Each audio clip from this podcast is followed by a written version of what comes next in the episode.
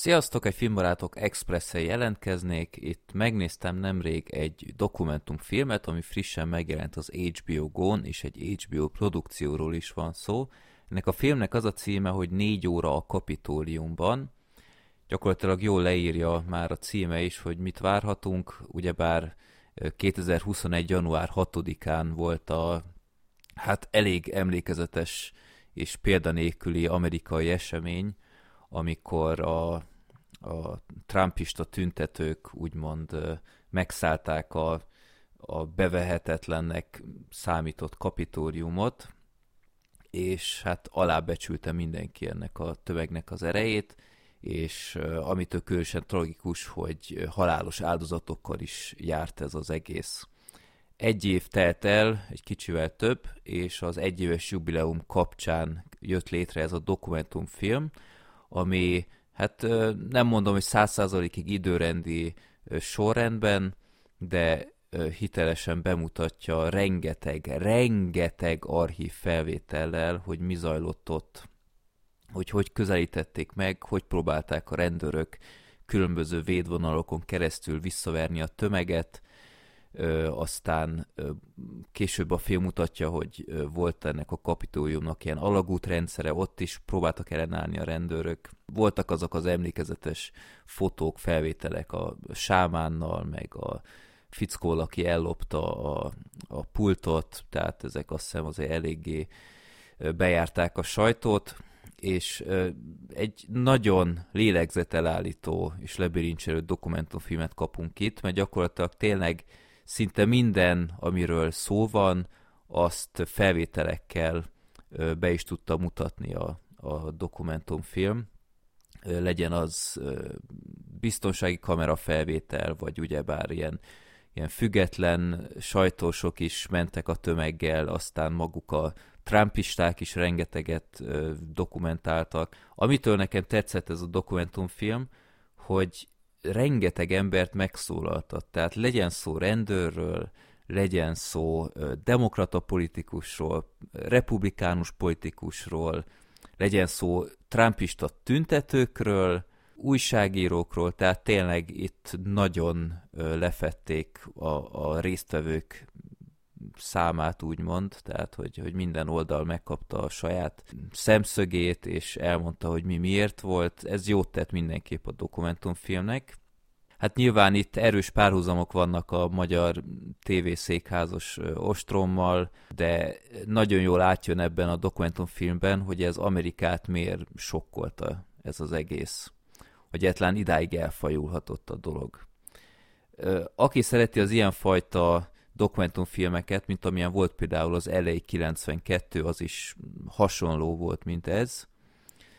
Itt, itt semmi narrálás nincs például, itt tehát csak a, a résztvevők, illetve a, a szemtanúk beszélnek, és az, az alá van vágva a felvétel.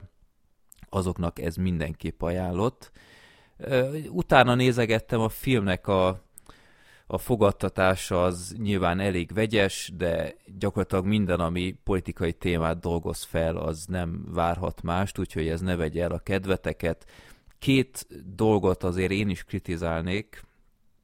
Az egyik, hogy például azért lehetett látni olyan felvételeket, hogy maguk a kopitóriumi rendőrök, ők is együtt, nem tudom, fotózkodtak a tüntetőkkel, meg ilyenek, és ez például egyáltalán nem ö, jött elő a dokumentumfilmben, és jó lett volna tudni, hogy, hogy mi állt ennek a hátterében. Tehát tényleg voltak olyan rendőrök-e, akik egyetértettek ezzel a felkeléssel, vagy úgymond deeszkalálásból csinálták. Mert itt a dokumentumfilmben van egy rendőr például, aki így együtt lógott velük, de csak azért, hogy így kontrollálja az egész helyzetet, szemmel tartsa őket, és próbált lehetőleg nem agresszívan fellépni ellenük, mert az csak beláthatatlan következményekkel járt volna. Tehát itt többször szóba kerül, hogy nem akart fegyvert rántani, illetve itt a film utolsó perceiben tér csak ki arra, hogy például hány rendőr lett öngyilkos az egész után, tehát nem bírták feldolgozni lelkileg ezt az egészet,